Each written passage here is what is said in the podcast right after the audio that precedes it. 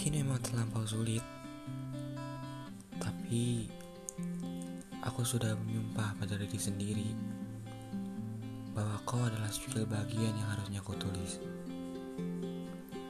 Untuk kemudian aku lipat di dalam kotak kecil. Dan selanjutnya aku tenggelamkan bersama raut-raut kenangan. Sederhana. Hai mbak, sudahkah berhitung hari ini? Berapa hari, minggu, dan bulan yang terlewati? Kuharap kau tak lupa, seperti kebiasaanmu. Ini sudah tiga bulan sejak saat itu. Tak ingatkah? Wajar saja, kau mungkin sibuk dengan romansa baru bersama setan lelaki berjalan makan manusia. Kau tahu, tiga bulan itu aku telah banyak menimbang perihal hati, rasa dan arah. Ya, kau penyebabnya. Terima kasih sebelumnya.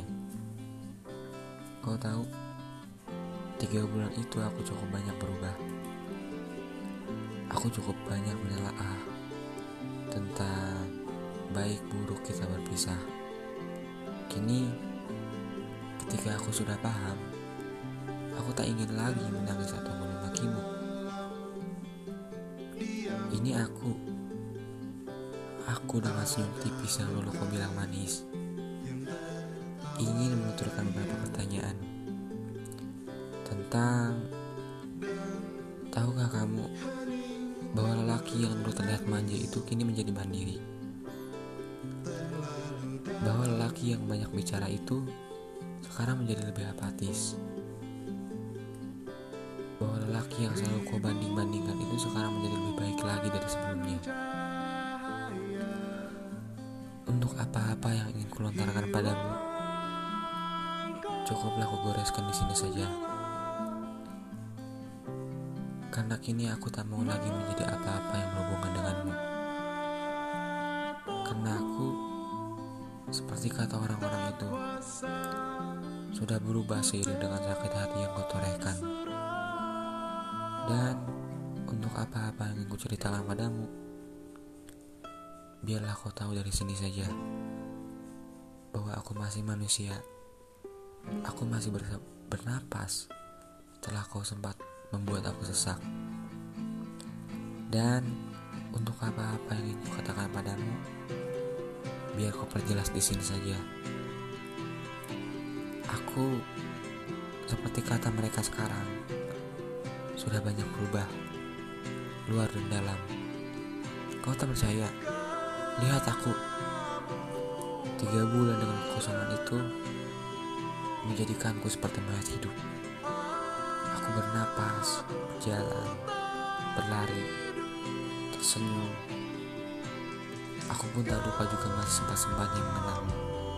Jujur, jika kau ingin tahu kabarku saat itu, tentu akan dengan senang hati mengatakan, kini aku merasakan dan jatuh dalam sebuah perasa patah hati.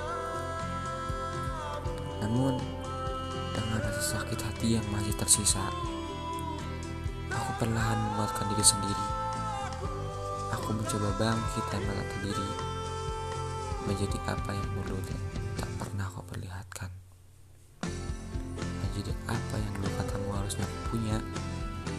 Menjadi apa yang diinginkan.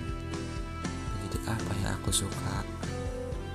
Menjadi apa yang menurut banyak orang katanya menawan. Aku tak akan menengok ke belakang dan membiarkan masa lalu mengikutiku.